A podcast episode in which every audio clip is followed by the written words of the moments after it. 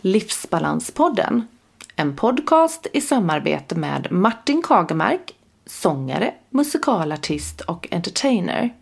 Samt Martina Bov, Ray of Light Stress Management. En podcast för alla som är nyfikna på livspusslet, stresshantering och hur man kan hitta sin egen livsbalans. Spännande gäster och mycket intressanta ämnen inslagna i både råa, karga paket, likväl som mjuka, kärleksfulla papper.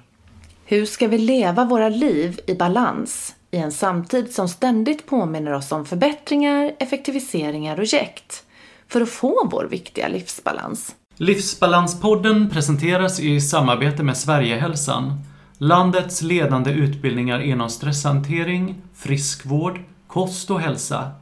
Läs mer på sverigehälsan.se. Den här gången hade Martin tyvärr ingen möjlighet att vara med på intervjun. Så jag åkte själv in till Göteborg för att träffa neurospecialistläkaren Dr. Håkan Löving på Lövingkliniken och Neuropraxis. Det blev ett väldigt bra möte och jag tog med mig mycket lärdomar och kunskap från detta om migrän och smärta. Hoppas att ni tycker om det lika mycket som vi. Nu kör vi!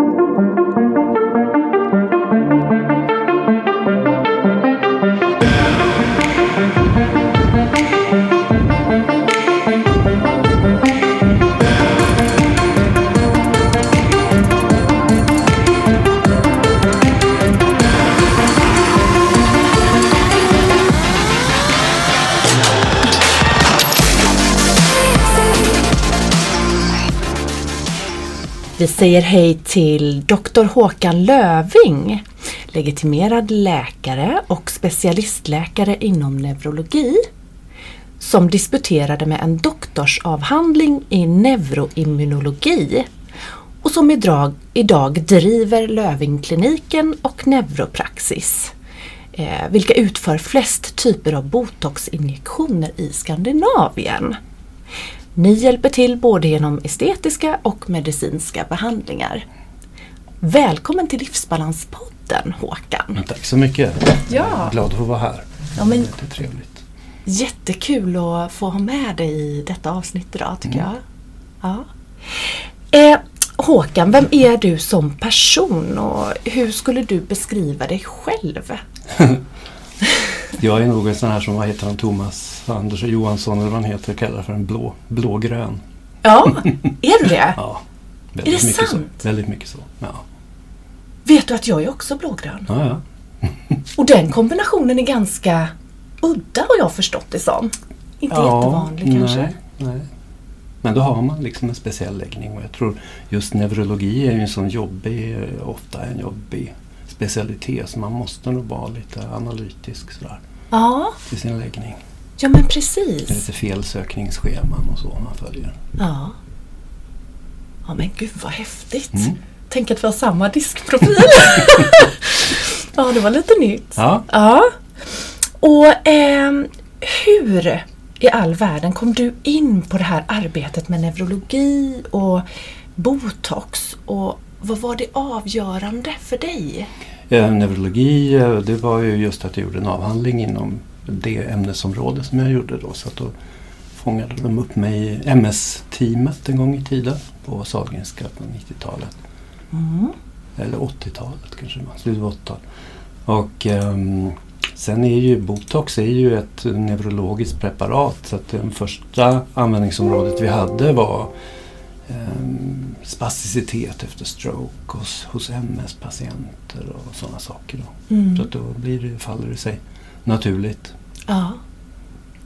Så att det kom 1989. Botox. Så det har funnits som läkemedel nu i 30 år. Men i, i, även i Sverige då menar du? Mm. eh, I, I Sverige. Ja. Mm. Okej. Det har varit lite olika i olika länder. Men Ja, men precis. Och ehm, vad tycker du är dina viktigaste uppgifter i din roll som specialistläkare i neurologi? Ehm, jag tror att man, det, är ett sånt brett eh, område så jag tror man måste nischa sig ganska mycket. Nu är ju neurologer en bristvara i Västra Götaland. Det vet ju alla som lyssnar på det här och har någon form av neurologisk sjukdom. Att de växer inte på träd faktiskt. Nej. Jag skulle hoppas det, men det gör de inte. Eh, Så det finns inte så många och det innebär att jag måste ju avgränsa mig i vad jag gör. Precis. Precis som eh, Sahlgrenska universitetssjukhuset också gör. Det är vissa diagnoser som är neurologiska som de bara fr- frånsäger sig. Helt enkelt. Migrän till exempel. Mm. Eh, Så man får söka sig någon annanstans. Så det, det måste man göra, man måste avgränsa sig. Precis. Och eh, vilka är då de eh, neurologiska sjukdomarna som eh, både neuropraxis, eller ja egentligen bara neuropraxis, specialiserar sig på? Mm. Vi, vi, vi, vi fokuserar ju väldigt mycket på huvudvärk. Ja. Vilket betyder företrädesvis migrän då. Mm. Men också andra mm, smärttillstånd som har sitt ursprung nerverna i kraniet. Eh, Nerverna i huvudet för ja, våra precis. lyssnare. Ja, precis. Eh, Ehm, Mm. Det finns något som heter trigeminus neuralgi till exempel och andra sådana här smärttillstånd som är lite speciella som vi behandlar då. Mm. Ehm, ibland med botox, ibland på andra sätt. Ja. Ehm, och eh, vad har vi mer? Vi har mycket svettpatienter. Okej. Hyperhidros som det heter då. Ett, en, mellan 1 och 2 procent av eh, Sveriges befolkning lider ju av det. Okej, Kan du berätta lite mer om det bara, vad det innebär? Att man har en överdriven sjuklig svettning. Mm. Oftast i eh, händer eller i eh, armhålor. Ja, Ibland också uppe på skalpen. okej. Eh, olika fokus. Eller nere i ljumskarna. Det kan också vara besvärligt. Det kan se ut som man har kissat på sig för att man svettas så mycket. Oj. Mm. Ja. Och det är extremt effektivt. Så botox blockerar ju motorik, motoriska impulser inifrån och ut. Mhm. Muskelmotorik och körtelmotorik Mm. kan vi behandla då. Ja. Vad häftigt att botox då har den effekten. Mm. Så att vi har också en del eh, spastiska patienter, alltså efter, eh, efter stroke eller eh, MS-patienter som har blivit spastiska då. Och spastiska, är det liksom att de har ryckningar Nej, spastisk eller? är en sammandragning av muskeln därför att man får ingen återkoppling från hjärnan. Du vet, man, det är ju så här att de flesta tror ju att när jag ska lyfta en arm till Ja. exempel så Mm. aktiverar jag armen. Mm. Det är, så är det inte, utan jag släpper på hämningarna. Kan du förklara detta lite eh, Jo, mer det ingående? kan jag absolut göra. Tänk dig att systemet hela tiden är på max. Den vill spänna alla dina muskler så mycket den kan. Ja. Så ser det ut. Mm. Och sen ligger din hjärna hela tiden och utövar en broms. Aha, så, Så, att, att du gasar inte utan du släpper på bromsen när du lyfter armen. Aha, Det där kan du uppleva till exempel precis i insomningsögonblicket. just Så kan det. hjärnan tappa kontrollen bara för bråkdelen av en sekund och då går det som en stöt genom hela kroppen. Så. Man kan till och med ramla ur sängen. Man, En det är del gör det. då när man rycker till om Mm, man säger. ja, det är då det tapp- som tappar, tappar hjärnan kontrollen precis i insomningsögonblicket. Då. Ah. Och en del råkar ut för det där när de vaknar också. Så då boom, säger det så här. Ja. Känns som det går en 100 voltstöt genom kroppen. Men oj! Mm. Så att om du får en hjärnskada då, då kan du tappa den här bromsen som hjärnan ska utöva och då får Mm. du hela tiden en aktivering som är väldigt smärtsam. Ja, Det precis. vet ju alla som har fått vadkramper till exempel att det gör ju riktigt ont. Ja, gud. Jag tänkte att alltid ha det Ja, i nej. en, i en arm eller i en axel eller någonstans i ett ben. Nej men gud. Ja. Så det är väldigt smärtsamt. Så där är ju mycket, kanske inte att man kan återfå så mycket funktion men du kan slappa av och det är väldigt väl, mycket vunnet med det. ja, det förstår man ju. Mm. Ja, wow. Och, ehm, men eh, om vi då ska eh, utkristallisera det här lite grann. För många använder ju sig av botox idag för att uppnå liksom ett rent estetiskt resultat. Ehm, men hur hör botoxbehandling ihop då med smärtlindring eller smärtbehandling? Eh, Det används ju väldigt mycket inom rehabiliteringsmedicin. Ja. Eh, Inte bara som vi kanske neurologer utan även rehabiliteringsmedicin som ett komplement till annan behandling. Mm. För en av de stora fördelarna är ju just biverkningsfriheten. Det, det finns ju inte några kända biverkningar i egentlig mening. Det finns ingen känd allergi eller överkänslighet. Ens har man inte sett någonstans, någon gång. På 30 år. Nej. Så att det, det verkar som det inte finns. Och inga andra bieffekter heller. Tittar man på nätet så man ser mycket farhågor. Man kallar det för nervgift men, men det är inte heller riktigt sant. Ja, kan du inte berätta lite om detta just med nervgift? Ja, alltså det, det blockerar impulsen från nerv till muskel eller från nerv till körtel. Mm. Så, så själva nerven i sig är ju inte påverkad. I så fall är ju tandläkarbedövning ett värre nervgift och det, det påverkar ju själva nerven då, Aha, så att den slutar att signalera. okej. Så det är Så inte det- vad som sker med botox Nej, egentligen nej, då? nej, nej. Nerven fungerar nog normalt men eh, impulsen kommer inte vidare. Jaha, så den blockerar impulsen bara Ja, då? det är som att rycka ut kontakten. Aha, Ja, det är inget fel på sladden nej just det. men du måste få i kontakten igen innan det kommer tillbaka. Ja, Så att eh, det tar ungefär tre månader. När man har givit en botoxinjektion så är sladden ur i ungefär tre månader. Sen lagar sig systemet. mm. Så att då är det därför man får komma tillbaka efter en Mm. viss tid då? Mm. Det perifera nervsystemet är väldigt bra på att laga sig överhuvudtaget. Det är ju gjort Mm. för att repareras. Ja. Att du skulle få en permanent skada av något slag det är liksom lika troligt som om du skulle klippa naglarna så upptäcka att nej, de växte inte ut den här gången. Eller om du klipper håret och så nej, du behöver inte gå till frisören mer i livet. Nej.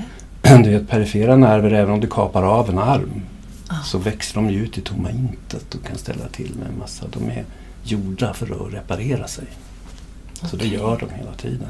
Perifera nervsystemet, ja. Ja. det är det som inte är hjärna, hjärnstam eller ryggmärg. Det kallar man för det centrala nervsystemet. Mm. Och perifera nerver, det är allting perifert som det. Eh, uppe i skallen kallar man dem för kranialnerver Mm. och nere i ryggraden så kallas de för ryggradsnerver eller spinalnerver. Okej. Så att de går ut i flätor i armarna och flätor i benen och den stora benflätan kallar man för ischiasflätan då. Så går den ner en kraftig nerv i benet som är ungefär lika tjock som din egen tumme. Så stor är den nerven. Oj, Mm. det är stort Mm. i våra kroppar. Ja, Ja, det, det är det.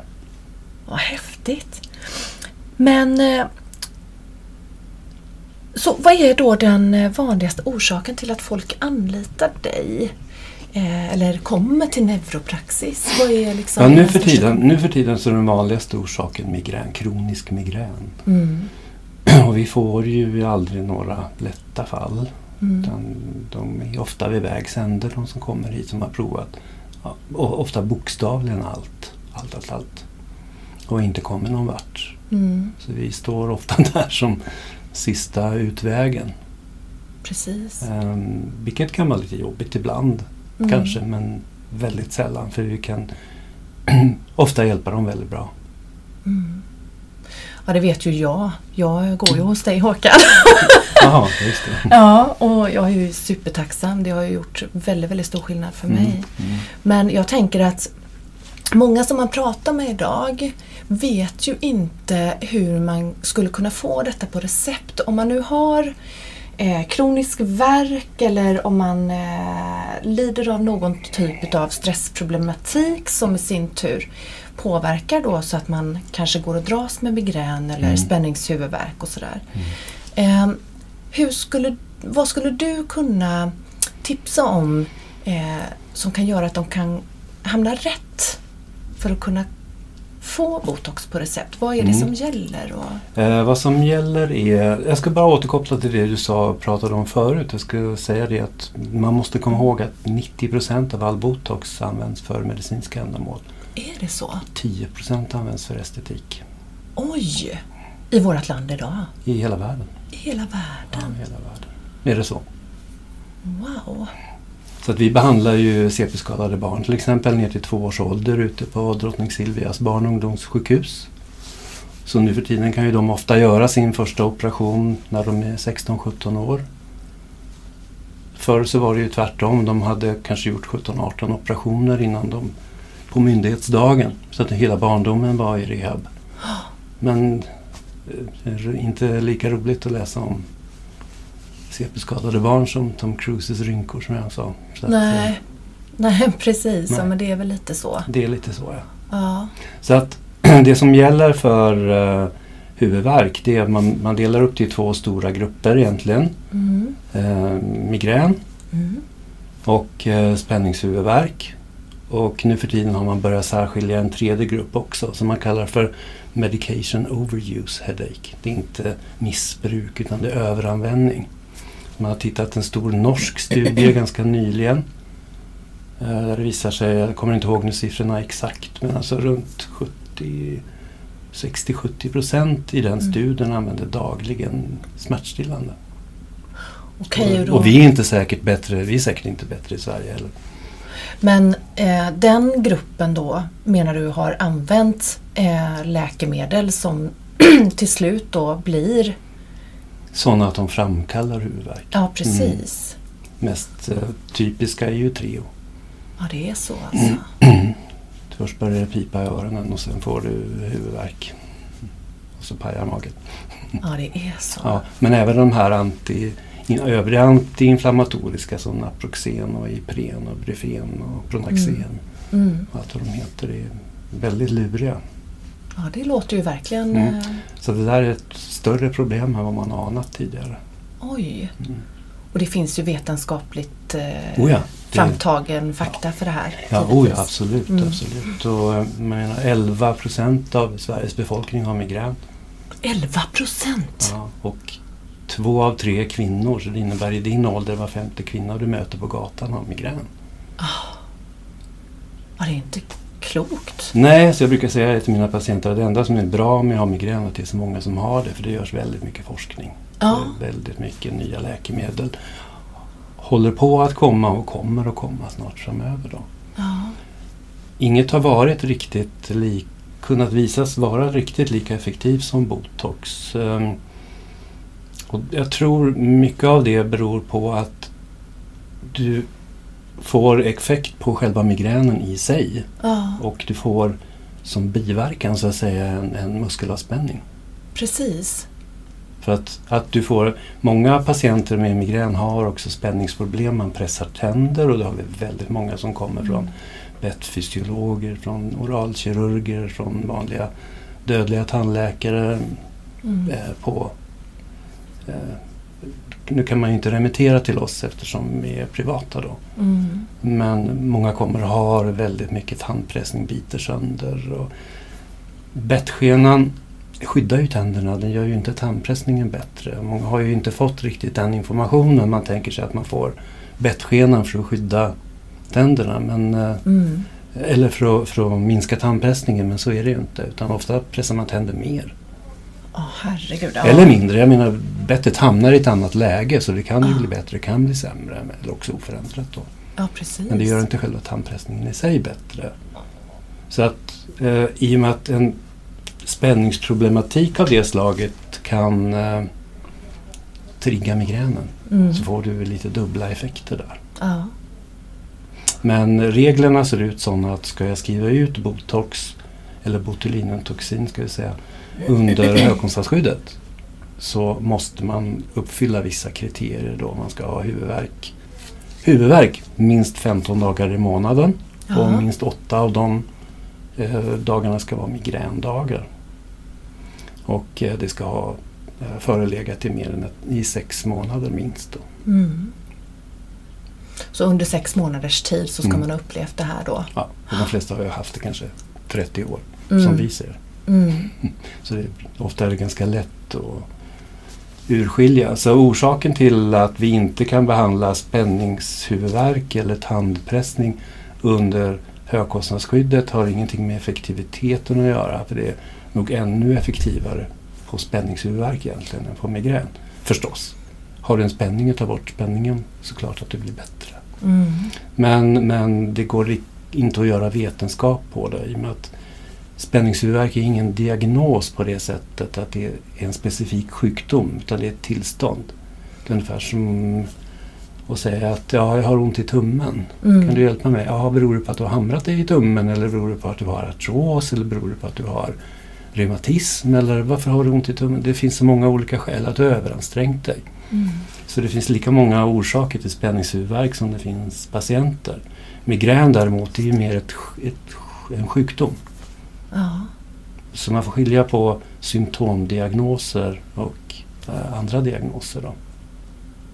ja, precis. Samma sätt så de flesta kan kanske inse att tandpressning inte är en diagnos på det sättet.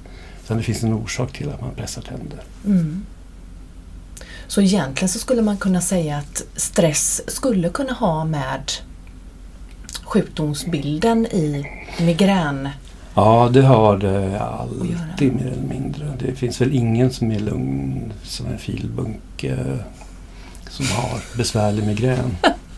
Så då är man ofta man är i en stressad situation. Och de Mm. flesta, upp, även om det här, det behöver inte vara något dominerande problem. Mm. Många säger ju till mig att jo, men det finns positiv stress och negativ stress. Jag vill inte ha det för långt, då blir jag tokig. Mm. Så det kan jag känna igen mig i själv också. Jag trivs Mm. bra när det är mer att göra. Mm. Så det är inte negativt för mig.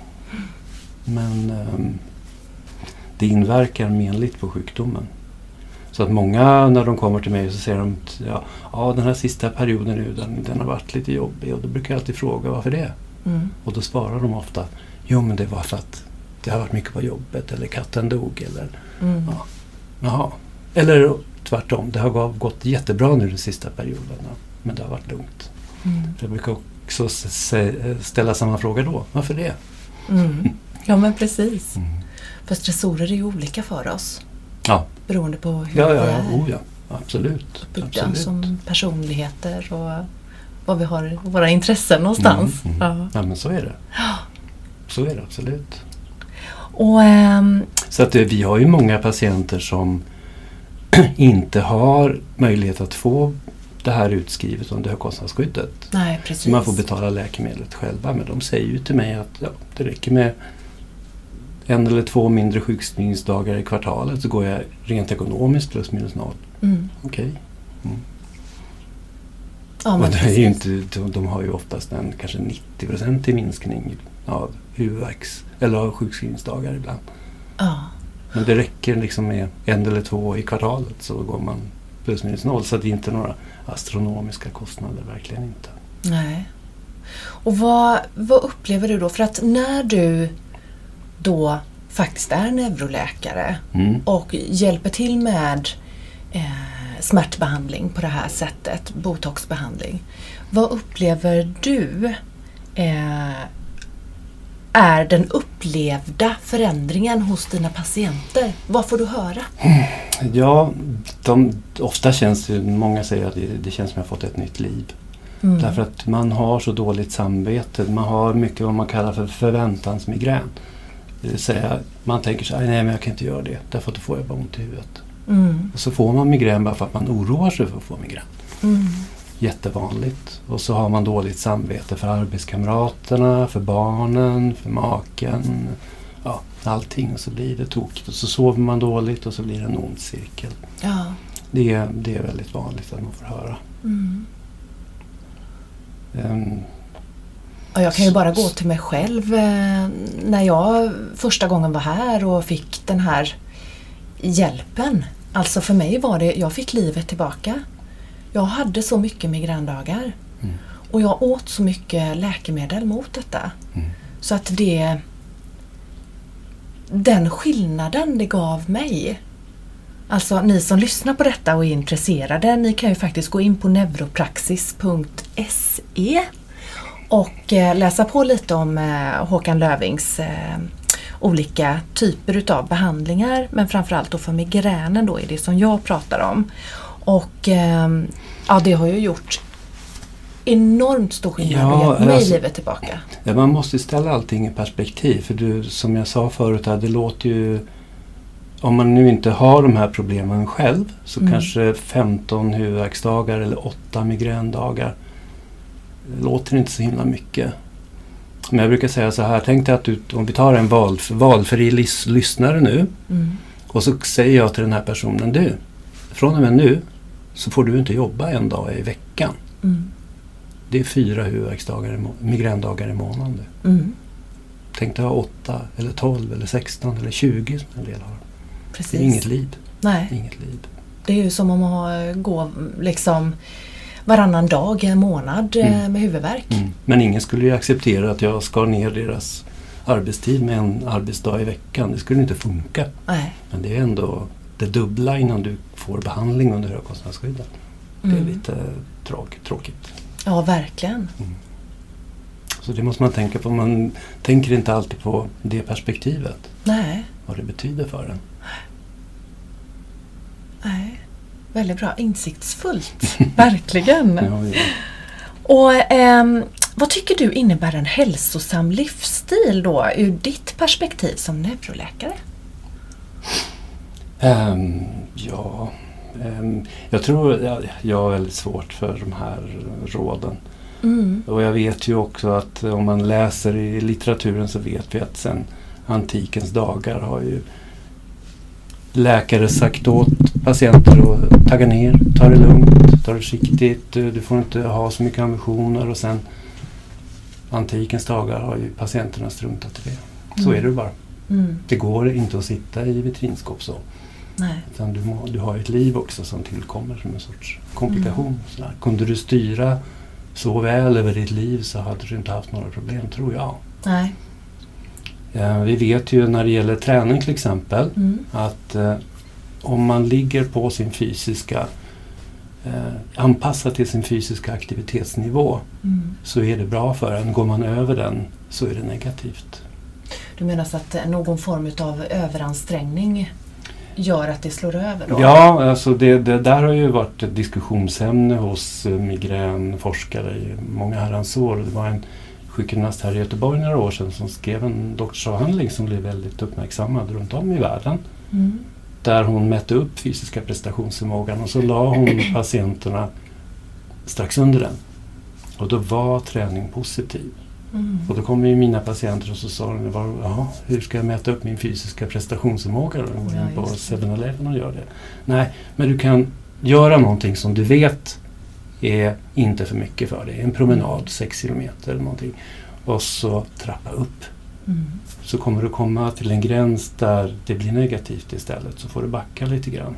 Okej, så att det är individuellt då? Ja, du? beroende på vilken eh, prestationsförmåga du har. Mm. För många är ju så här också att när man väl kommer till träningen, här ska minsann tränas, nu ska jag, och så tar man i som man spyr. Och det där Mm. känner jättemånga igen sig i. Mm. Och så, ja, precis som jag också. Hur visste du det?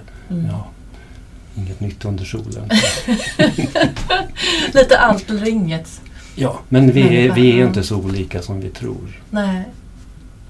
Nej men det var ju eh, också väldigt insiktsfullt tycker jag. Det visste jag faktiskt inte om, Nej. om träningsrekommendationer och eh, migrän. Mm. Att, Så att i allmänhet är det också så att eh, när man har den där typen av problem så är Mm. nästan aldrig styrketräning bra. är det så? Ja. Det har jag märkt väldigt tydligt. Det, det, det är inte bra. Och samtidigt vill man ju inte säga till en patient som har satt igång och kommit igång med kanske just styrketräning att nej, det där är inget bra. Utan det gör jag ju inte. Utan de får upptäcka det själva. Men jag är liksom beredd på det när det händer. För de kommer alltid sen och säger nej, det där var inte så bra. Ska jag Mm. fortsätta med det här? Nej, gör konditionsträning istället.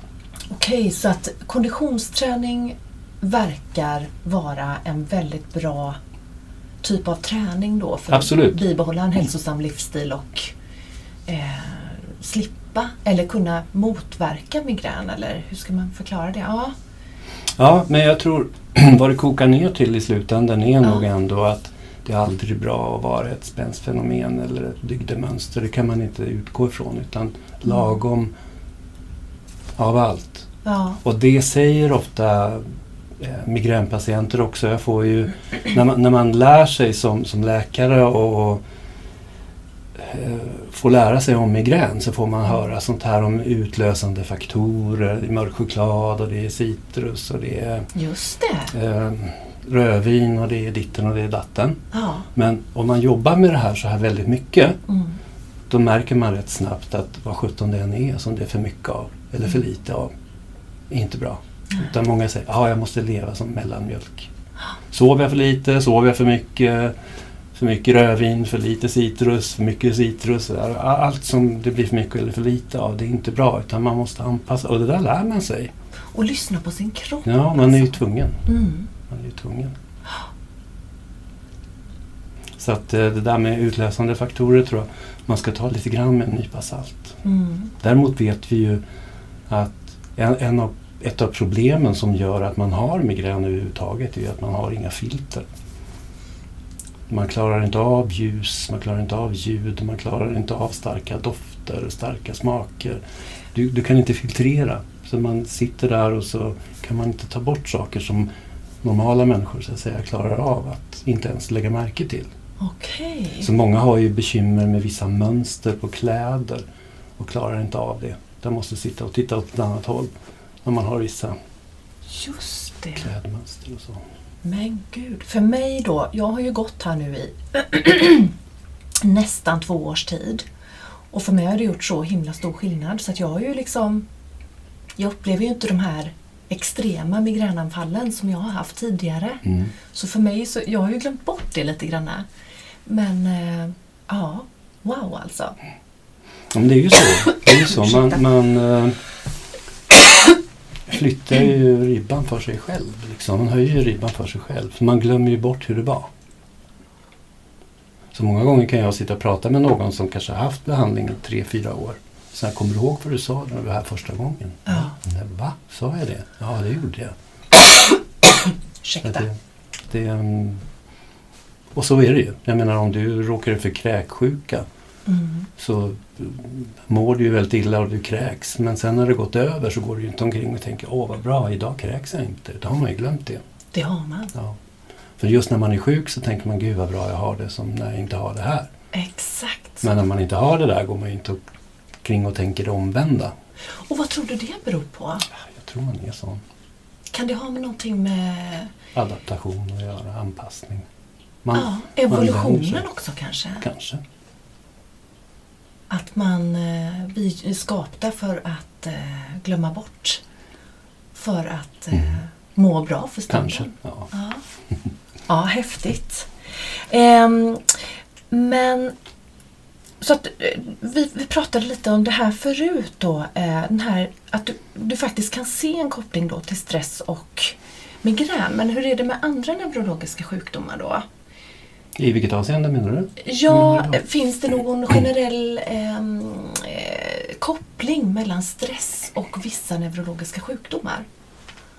Kan du se det? Ja, nej, inte mer än rent allmänt att en, en kronisk sjukdom, vilken man än har, vare sig den är neurologisk eller icke, så, så har man oftast en ganska påtaglig försämring om man har hög stressnivå. Det mest kända där är ju eh, psoriasis, Ja, som är en autoimmun sjukdom då. Och som där, du kan nästan se hur de sitter och frasar när de är Mm. jättestressade. Och jag menar MS anser vi ju nu för tiden också vara en autoimmun sjukdom. Mm. Så att eh, självklart så påverkas ju den då och därmed kanske nivåer på muskelanspänningsstörningarna som man har.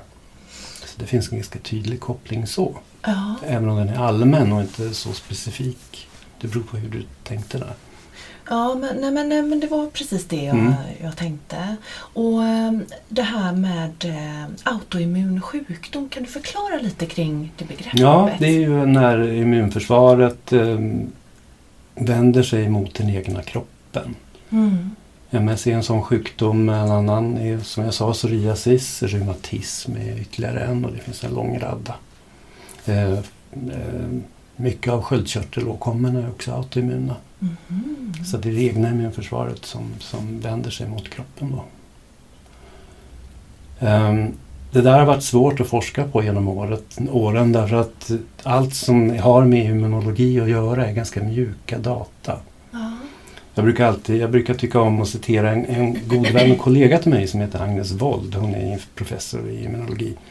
Och hon sa så här en gång, jag tror det var i TV, så sa hon att jag kan inte förstå varför, eftersom det inte finns några faktiska data, vad finns det för anledning att tro att när vi är sjuka och dåliga och går ner oss, att immunförsvaret skulle vara dåligt? Mm. Vad är det för immunförsvar? Har, den, har det en omvänd evolution? Att ju sämre jag mår, ju sämre fungerar immunförsvaret. Det måste naturligtvis vara tvärtom. Precis. Ju sämre jag är, ju mer illa jag är ställd, ju bättre behövs immunförsvaret. Mm. Men när jag är frisk och stark på alla sätt så behövs ju inte det. Men alla tänker tvärtom, trots att det inte finns någon som helst hållpunkt för varken det ena eller det andra. Det har du rätt i. Ja. Wow! Ja, hon har rätt i. ja, hon har rätt i det. Vad hette hon? Agnes Wold? Våld. Ja, hon säger mycket kloka saker. Ja. Har hon skrivit någon bok eller så? Nej, hon har varit i, mycket i tv och sommarpratat och Ja, gjort sånt här. Intressant. Mm. Ja. Ehm, och... ehm, Det var hon som yttrade sig om eh, alkohol och bröstmjölk också. Hal, halten alkohol i bröstmjölk är liksom en promille eller något sånt där. Att ge ett barn, alltså en tusendel. ja, Mm. att ge ett, ett barn ett dryck som innehåller en promille, det är många som gör.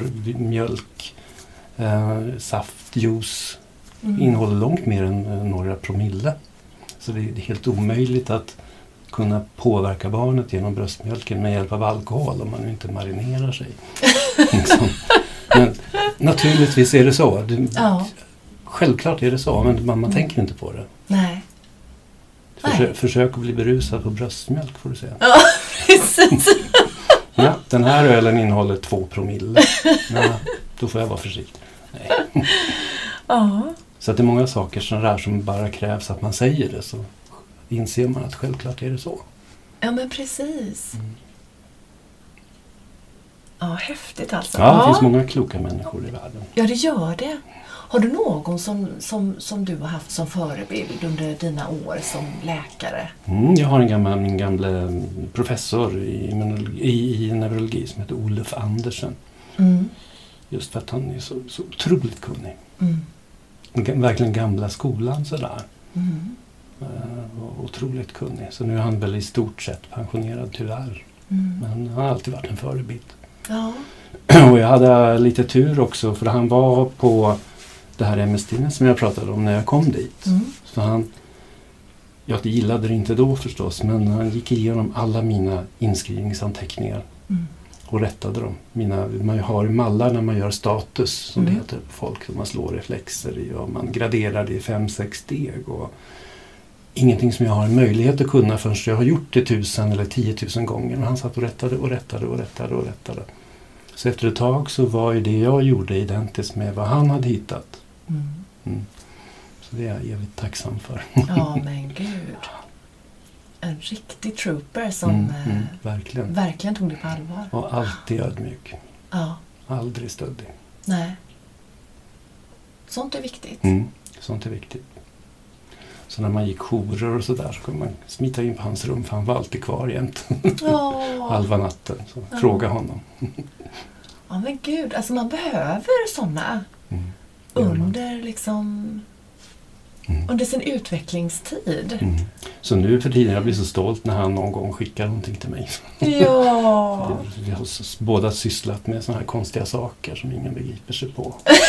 det är väldigt mycket. Så jag får fortfarande från sjukhuset eh, när de inte förstår sig på vad sjutton är det här för någonting. Och vad skulle det kunna vara då, Håkan? Det kan vara vad som helst. Kan det vara liksom fråga om diagnoser? Mm. Ja, Eller oftast är det ju det. eh, second opinions? Eller Ibland. eh, ja, experthjälp Ja, liksom. precis. Mm. Alla är bra på sitt. Mm. Det är ju inte att jag är så fantastisk, utan alla är ju bra på sitt. Ja. Liksom så så att de, de tror att, att jag kan vara till hjälp, eller Olof kan vara till hjälp, för han är ju också privat nu för tiden. Mm. ehm, så frågar de ju. Ja. Men vad härligt. Mm. Då behövs du verkligen här Ja, ute. jo. alla behövs. Ja. Alla behövs. Och som Jo. sagt, alla är bra på sitt. Men jag tänker nu liksom med eh, i den här tiden som vi lever i eh, i samhället idag där allting ska gå så snabbt hela tiden och, eh, och om jag förstod det rätt så har ju migränproblematiken ökat och du ser att det kommer fler och fler eh, klienter och patienter. Jag vet dig. faktiskt inte om den faktiskt ökat i absoluta tal. Mm, Jag är inte säker på det. Okej. Jag tror att eftersom man nu nära på tror att den näst största orsaken till huvudvärk är läkemedelsöverkonsumtion Mhm. så kan det ju vara så som du säger. Men jag har inte sett några direkta siffror på det. Nej. Jag tänker liksom tekniksamhället, informationssamhället Mm. att eh, i stort vi lever ju liksom i en tid där allting ska gå snabbare och snabbare och effektivare och effektivare. Och, Mm. ehm, Visst, jag har ingen mail i min mobil. Till allas fasa. är det Ja, sant? det går jättebra. Jag har aldrig haft. Kommer Men aldrig vad ha. skönt! Kommer aldrig att ha heller. Och hur kommer det sig? Var det någonting som du bara... Valde det har bara bort. blivit Nej, jag så? valde bort det. Du har gjort ett aktivt val för att inte Mm. hamna i den här Mm. stresscykeln. Ja. För jag tror, jag tror att det är livsfarligt om man ska Mm. kolla telefonen innan man går och lägger sig. Och så. Jag aldrig, Nej. aldrig någonsin. Tittar inte i den på kvällarna. Om det inte är någon jag vet ska ringa eller något Mm. sånt. Mm. Har du mycket appar och sånt på din mobil? Ja, det har väl alla men... eh, Ja, mm, du menar att jag använder av dem? Ja, men precis. Ja, om de, om, de, eh, om de fyller sitt syfte. Mm. När vi pratar om de här patienterna som jag har pratat om nu så finns en som heter Headache Log. Mm. Som väldigt allt fler börjar använda. Som verkar vara jättebra. Vad bra. För det har funnits li, lite olika sådana där. De heter Migraine Buddy och lite Ja. olika. Men den- den här som heter mm, Headache Log. Den, den är väldigt anpassningsbar. Och de kan också skicka informationen till mig. Som finns i den. Wow! Mm, Så att det är man så kan-. Då kan man med hjälp av den här Headache Log då, ehm, då kan man med hjälp av den själv eh, skriva upp sina egna parametrar och ta med sig det eller skicka det till Mm. dig som Mm. läkare så att Ja. du kan få koll på Mm. dina patienter. Det är ju jättebra! För nu för tiden, det där blir allt viktigare därför att det, som jag nämnde förut, det kommer, har kommit och kommer nya migränläkemedel. Mm. Och där har ju de är ju dyra. Mm. De är ju så dyra att botox framstår som ett eh, budgetalternativ. Va? Ja. Oj! Och, eh, och eh, där är ju myndigheterna väldigt hårda på att vi uppfyller kriterierna, att vi utvärderar. Mm. Så att vi måste ha mer, vi som är högspecialiserade på migrän, eh, måste ha mer koll på våra patienter så att säga. ja. Vilket är bra för oss. Det är Mm. inget vi har något emot. Nej, precis. Men ändå, det, det ställer ju lite högre krav på dokumentation och på Mm. att vi frågar ut patienten. Ja, precis. Samtidigt som det blir bra för patienten också. Absolut. Så, så om de märker att det här funkar ju. Mm. Och många hittar ju också saker när de har en huvudvärkshandbok så hittar de ofta saker så här. Varför hade jag problem där? Och så går de tillbaka och tittar. Ja, men det var ju då när jag... Och så får de en aha-upplevelse så här. Mm. Att det där är inte bra för mig att göra. Då fick jag mer huvudvärk den perioden. Även om jag tyckte det var roligt. Mm. Eller tvärtom, jag fick mindre fast jag tyckte det var roligt. Ja, men precis. Mm.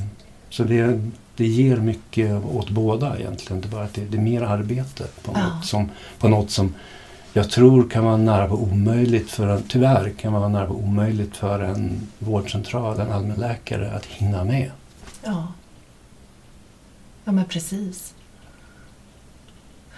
Men eh, sedan så tänker jag lite grann på det här med eh, som stresspedagoger så har ju vi fått eh, ganska mycket kunskap och samtidigt har väldigt mycket frågor kring sjukdomen fibromyalgi. Ehm, skulle du kunna bara förklara lite vad, vad det innebär? Vad är det för något? Och är Ja. det en sjukdom eller vad? Ja, det är nog svårt att förklara. Man kan, jag tror bara man kan, jag tror bara man kan eh, eh, berätta hur man själv ser på det. Mm. Och eh, egentligen så räcker det lite grann med att gå till själva ordet som sådant. Fibromyalgi betyder ont i muskler och bindväv. Det är ju vad det betyder. Mm. Varken mer eller mindre. Mm. Så om, om det, som det är nu så är det också en symptomdiagnos. Varför har jag ont i muskler och bindväv? Mm. Det säger ingenting och kräver ingenting ur, ur eh, diagnossynpunkt att man ska kunna säga det. Mm. Vad det beror på, bara att det är. Mm. Så det tycks ju uppenbarligen finnas sådana här ospecifika smärtsyndrom. Syndrom betyder en sammanställning, konstellation av symptom. Ah. brukar man kalla för ett syndrom. Ja, Så att du kanske har hört talas om Downs syndrom. Då har man precis. fyrfingerfåra i handen och man har sån här epicantus som det heter, kinesögon. Och så ska man ha eh, den här kromosomavvikelsen då. Så om Mm. de symptomen finns så kallar man den symptomkonstellationen för Downs syndrom. Det finns Ah. ungefär 3000 sådana barnsyndrom Okej. som har olika eh, symptom bara. Som i den konstellationen då vet man att då är det det här syndromet. Då.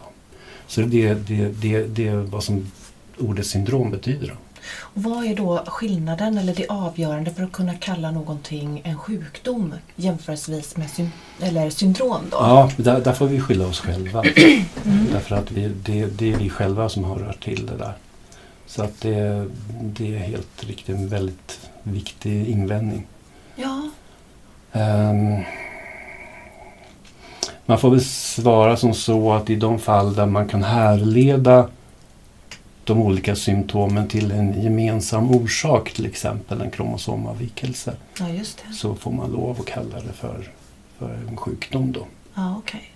Men ofta används ju, ibland säger man bara ändra syndrom eller symptom. Eller, eller sjukdom, PTSD till exempel. Ja, precis. Mm. Ja, Där är det ju ganska väl definierat. det är det ju absolut. Nu som med all psykiatri så är det ju också lite mjuka data. Det måste det vara av nödvändighet för vi kan ju Ja. inte mäta själen. Nej, Liksom. nej precis. Ehm, Det... Så man kan mäta blodvärde, så det, det går ju inte. Man hade ju önskat att det hade gått. Det är Egentligen. klart. Eller hur? Det är klart. Om någon kommer och har en psykos och man kunde mäta sig fram till vad det var. Ja, Det hade varit jättebra. ja men eller hur? Alltså Ja. kunna få ut vetenskaplig data som man kan göra statistik på. Mm. på Utan mycket av, mycket av medicinen nu för tiden, Mm. den fungerar ju enligt felsökningsdiagram. ja, Du vet om du får hem en TV-reparatör så kan ju de oftast inte knyta skosnörena men de hittar ju felet på din TV. ja. Därför att fungerar det? Ja, nej, Mm. nej. Den här då? Ja, Mm. nej. Och så söker man sig som en algoritm så här ner tills man ser, jaha, det är det här som är fel. Så gör vi också väldigt mycket. Mm. Uteslutningsmetoden. Ja, Mm. så att vi behöver inte kunna allting, som tur är. Nej. För det var en av dem som när jag började läsa medicin så tänkte jag, sjutton, hur kan man kunna så himla mycket om varenda sjukdom som finns? Ja. Men det behöver man inte. Nej. Det viktiga är att man har sitt speciella område kanske. Ja, det viktiga är att man vet vad man inte kan. kan jag säga. Det här begriper jag mig inte på. Vem ska jag fråga då? Avgränsning Mm, mm. återigen. avgränsningar. Kan du det, då är det inget problem. Nej. Utan det är när du börjar komma ner i den här algoritmen där du inte vet. Då får man åtminstone veta om det är en reumatolog, eller en neurolog, eller en psykiater eller en kirurg Ja. som man ska fråga. Men noggrannare än så behöver man nog inte veta. Utan Nej. kommer de till rätt specialitet så nystar man vidare där. Det är så det funkar då. Ja. Så att när det gäller fibromyalgi just så det faller ju inom så, många specialiteter. Det är allmänmedicinare som blandar sig i, Mm. psykiatriker blandar sig i, neurologer Ja. blandar sig i, reumatologer blandar sig i. Just Alla det. blandar sig i. Och då blir det också diffust. Kan det vara det som är anledningen till att det inte finns någon direkt eh, tydlig hjälp att få där? Jag tror det. Ja.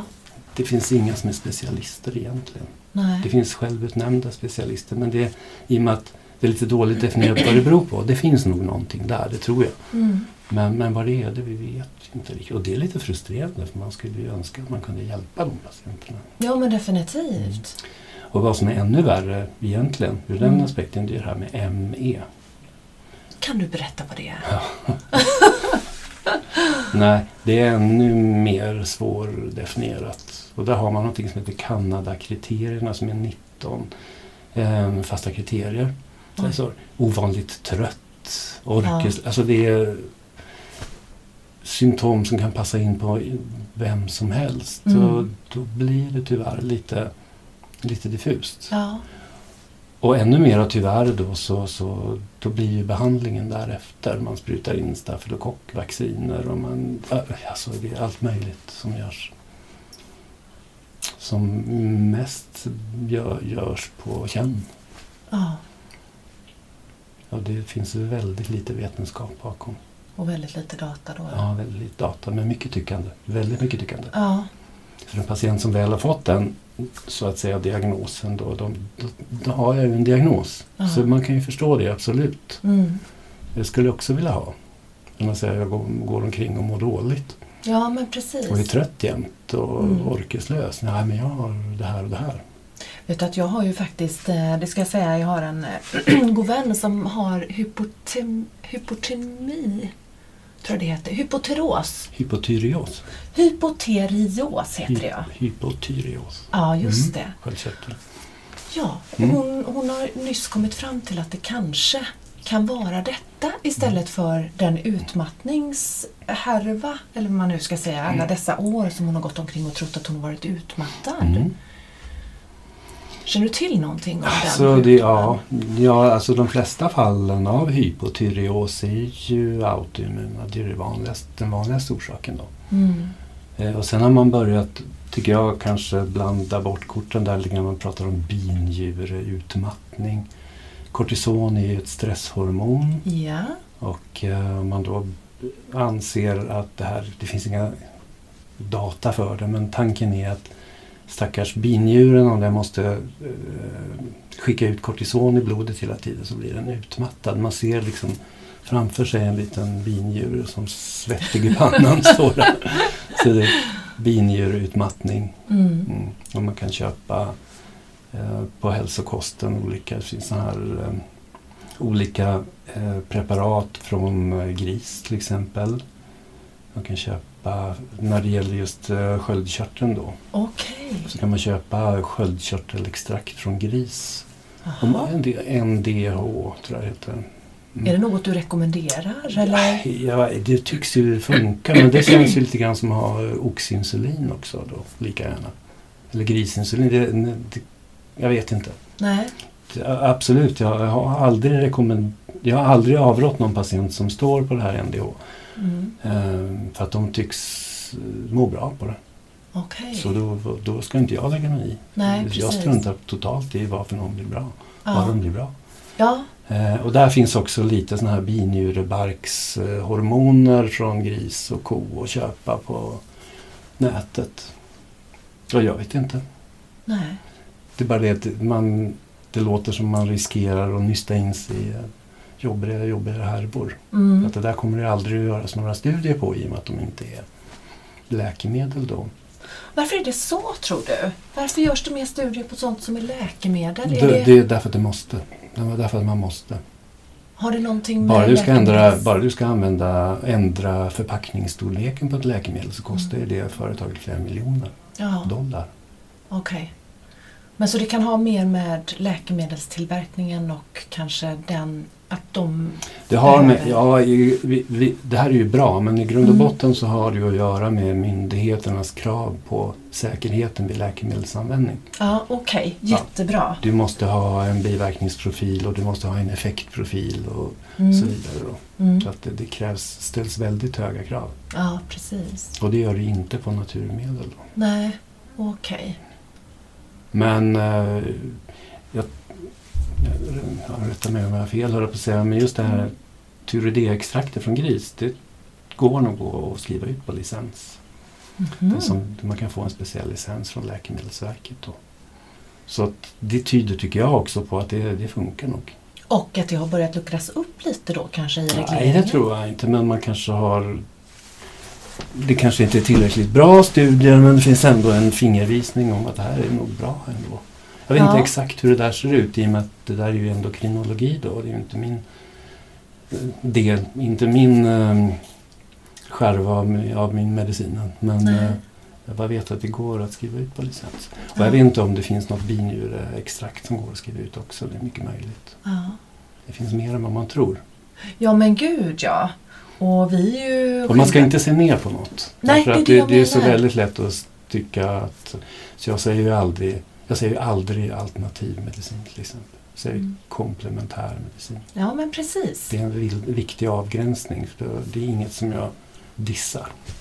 Håkan, det blev jag väldigt glad av att höra för att Mm. eh, själva så både jag och Martin, vi har ju verkligen den inställningen själva. Just till, vi har ju läst komplementärmedicin och eh, mycket, jag har läst mycket traditionell kinesisk medicin, TKM. Och eh, vi har varit och intervjuat även en, en eh, eh TKM-läkare uppe i Stockholm som eh, vi pratade med och hon heter Doktor 9. Finns på Stora Essingen uppe i Stockholm. Hon har hjälpt väldigt mycket patienter. Och hon menar på då att istället för att se eh, svensk skolmedicin eller västerländsk skolmedicin som den enda kraften att hämta hjälp utifrån så menar hon på att, att kunna liksom ta in eh, de mer traditionella från öst eh, medicin. Ja, att det- det blir en väldigt bra det kan, kan bli en väldigt bra eh, behandling för många eh, Mm. patienter. Oavsett bevisläget. Ja. Ja, men precis. För just akupunktur, alltså, det är ju omöjligt egentligen, verkar det som, att visa någon positiv effekt av akupunktur formellt i studier. Mm. Men samtidigt får man ju ha respekt för att det har ändå funnits i 3000 år och sådana som jag har funnits i 300 år. Precis. Det finns ju en anledning till det kanske. Ja, Så man ska inte, man ska inte, man ska inte eh, avfärda det bara för att det enligt våra kriterier Mm. idag mm. inte går att fånga upp den positiva effekten. nej precis. Vilket det tyvärr inte verkar göra. Då. Nej. Jag märker ju det också på eh, migränpatienter. Det är väldigt många som har prövat akupunktur. Jag tror inte jag har träffat någon på 27 år som har tyckt att det var bra. Jo, Nej. en gång eller två.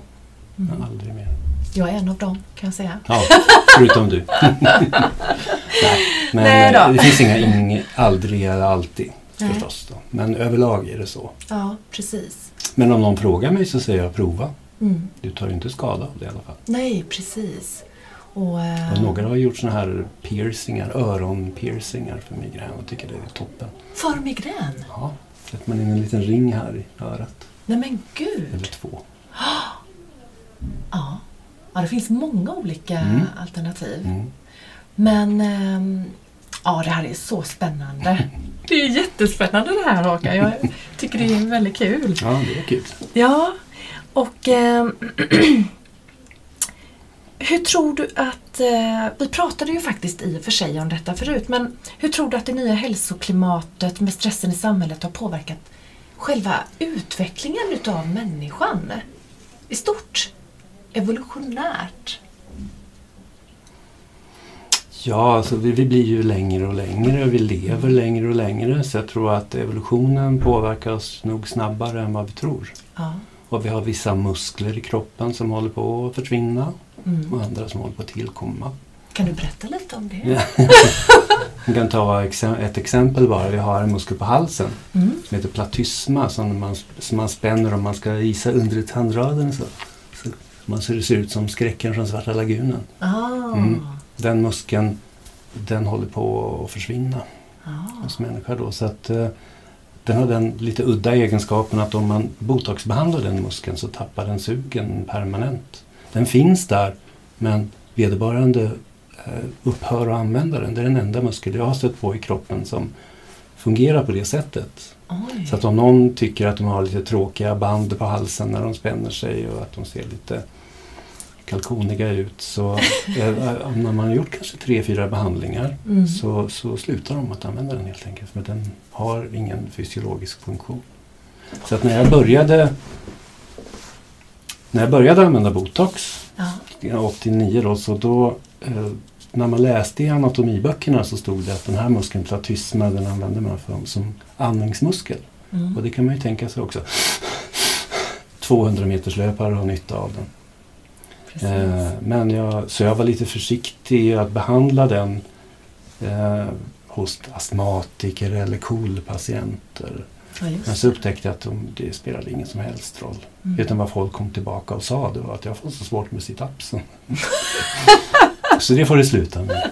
Så att, ehm, eh, och det, det beror ju på att det var så det stod i läroböckerna. Mm. Därför att ingen hade haft möjlighet att bara slå ut den och se vad som hände då. Utan man hade antagit att det här är den funktionen som den har. Intressant. Men eh, den, så vissa har ju nästan princip ingen alls. Nej. Och andra har en jättestor och stark. Ja. Men överlag så håller den på att försvinna. Det är svårt att vara religiös när man märker sånt, att det byggs om liksom kontinuerligt. Om inte Gud är där inne och liksom bättrar på lite. Det tänkte jag inte på. Nej, precis. Då är man inte så allsmäktig liksom. Man måste bättra på i efterhand. Nej. Så, så vi har en muskel i handleden också som man använder för att klänga i lianer med den här. Oj, oj, oj. Så, så, Om man spänner handen Ja, som man ska ta runt en boll så. ordentligt. Så vissa har bara en sena här och an- och har ingen sån muskel. Nej, men Andra har gud. två senor i handleden. Vissa Du ser, har, du- har inte så många Nej, men du ser, jag, jag är mer apaktig än du så det är bättre att i lianer. Ja, jag verkar inte ha någon sån. Nej, du har bara en. Jag har två som du ser. Nej men gud. Ja, på mig så så har det. det redan evolutionerats bort. Ja, ja, du har kommit längre i evolutionen än vad har. Ja, och, Så att jag tror, jag kan tänka mig att även hjärnan anpassar sig. Den borde nog kanske anpassa sig ännu fortare. Ja, du tror det? Jag tror det. Jag tror att vi är mer stresståliga nu för att vi måste. Ja. Eller också att vi använder hjärnan på ett annat sätt. Det skulle inte kunna vara så att vi överanstränger hjärnan och att den är liksom inte byggd för all den information vi tar in. Mm, jag tror det. Jag tror vi överbelastar den. Ja, Även om vi kanske har strategier, copingstrategier och överlevnadsstrategier så är det nog ofta den inte, de inte räcker till och det är därför vi kanske ser så mycket sjuklighet ja men också. precis. I, I den här typen av sjukdomar då som vi har pratat om. Exakt. Som är mycket livsstilsrelaterade. Mm. Absolut, det har du helt rätt i. Mm. Och, ehm, Och då är det viktigt att se de här personerna också. Ja Så men det- precis. Ja, så man måste alltid vara väldigt holistisk när man ser på en människa. Ja, Eh, inte säga det här, där är en med fibromyalgi. Utan här är en som mår inte bra. Varför Precis. inte det och vad kan jag göra? ja. Det är det som är viktigt, inte en diagnos.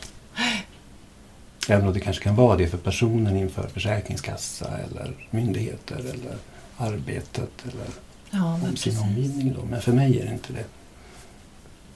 Så himla viktigt. Ja, men det är viktigt och det är fint att höra.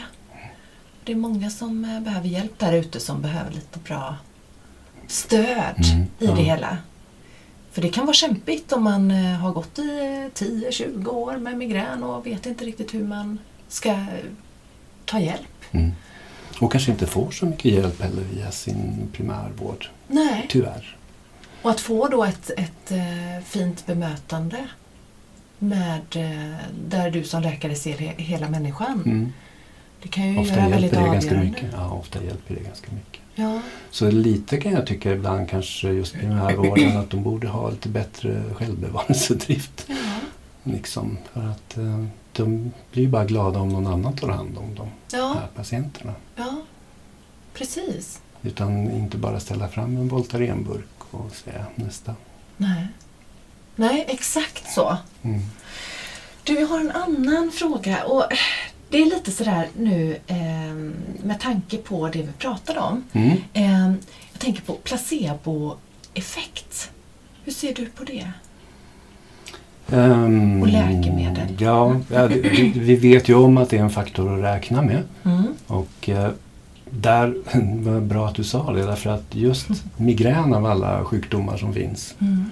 I Pandoras ask eh, har den egenskapen att placeboeffekten ibland går upp mot 90 procent när man gör olika saker. Det där, alltså överlag, om du tittar på alla sjukdomar överlag så tycks Mm. placebo utgöra ungefär 10 procent av effekten. Så, är, så vet vi att det är. Oj. Men just ja. migrän så kommer man upp mot 30 procent. Och det är därför det finns sånt här som man, man stoppar tända ljus i örat. Och, eh, ja, nej, men det är sant. Ljusterapi, ja. Oh, ja. På riktigt? Ja, på riktigt. Ja, det ska man ju inte skratta åt då. Nej, det ska man inte. Nej. Nej men man gör ju det. Ta tillbaka och hävda motsatsen. Ja, precis. Ja. Ja, men, så det finns väldigt mycket, eller en annan eh, vanlig grej som dyker upp som jag fick en fråga bara för ett par dagar sedan. Det är mattram, det är en medicinalväxt. Ja. Heter den, jag kommer inte ihåg nu vad läkemedlet heter det också, licens, heter gli, li, gli, något på G. Mattram där, det var i början på s- 1900-talet, förra seklet, så kom det en fallrapport, det en enda person eh, var hjälpt av mattram i sin migrän. Okej. Och det där, just den där fall, fallrapporten om en enda människa, den hade väldigt stort genomslag. Ja. Jag vet inte, du vet vissa saker får det, bara Ja. sådär. Det Så, så sen dess så har migräniker tagit mattram. 80-talet, 90-talet gjorde man jättelika, jättefina studier Ja. som visade att det saknade all effekt. Så det vet vi.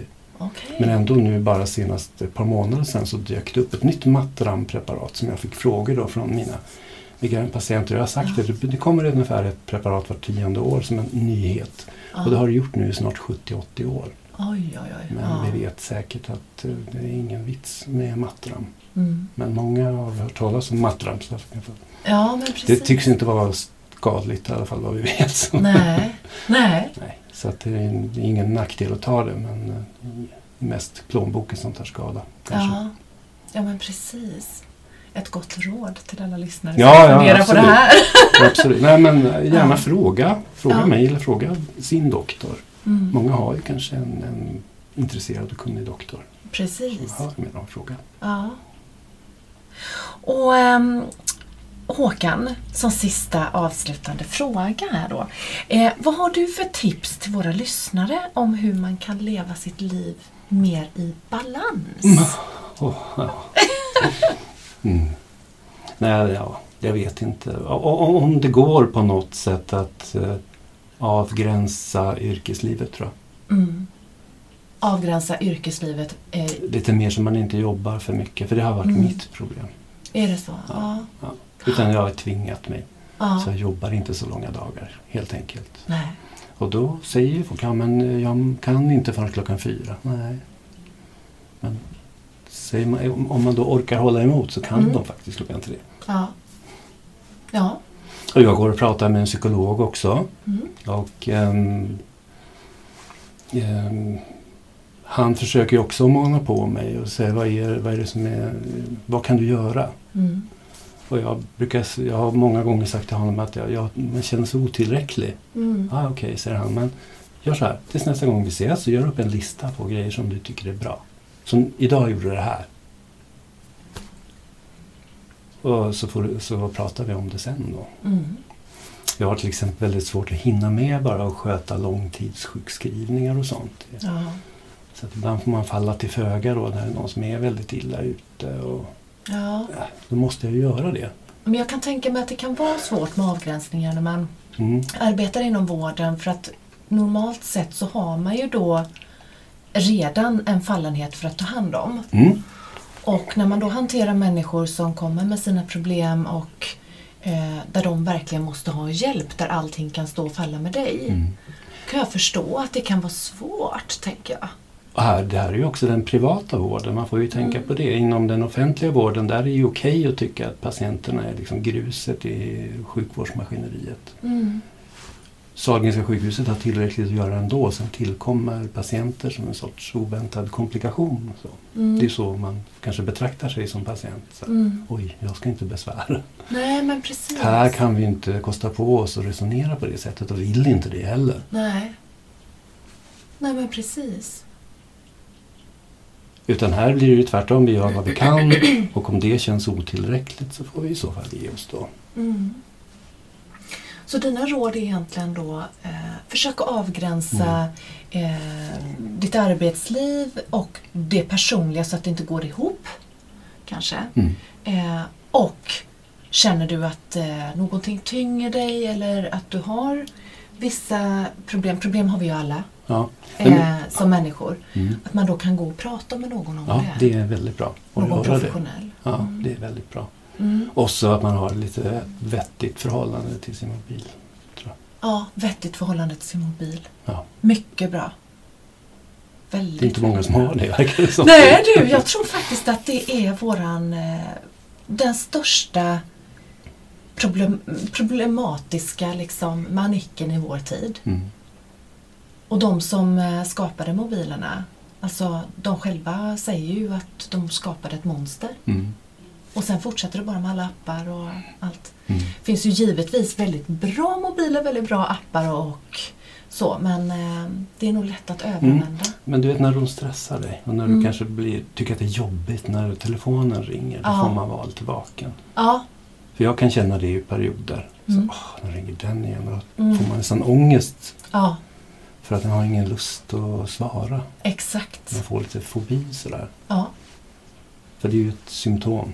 Det är det. Mm. Ett symptom på någonting som är viktigt att lyssna på. Mm.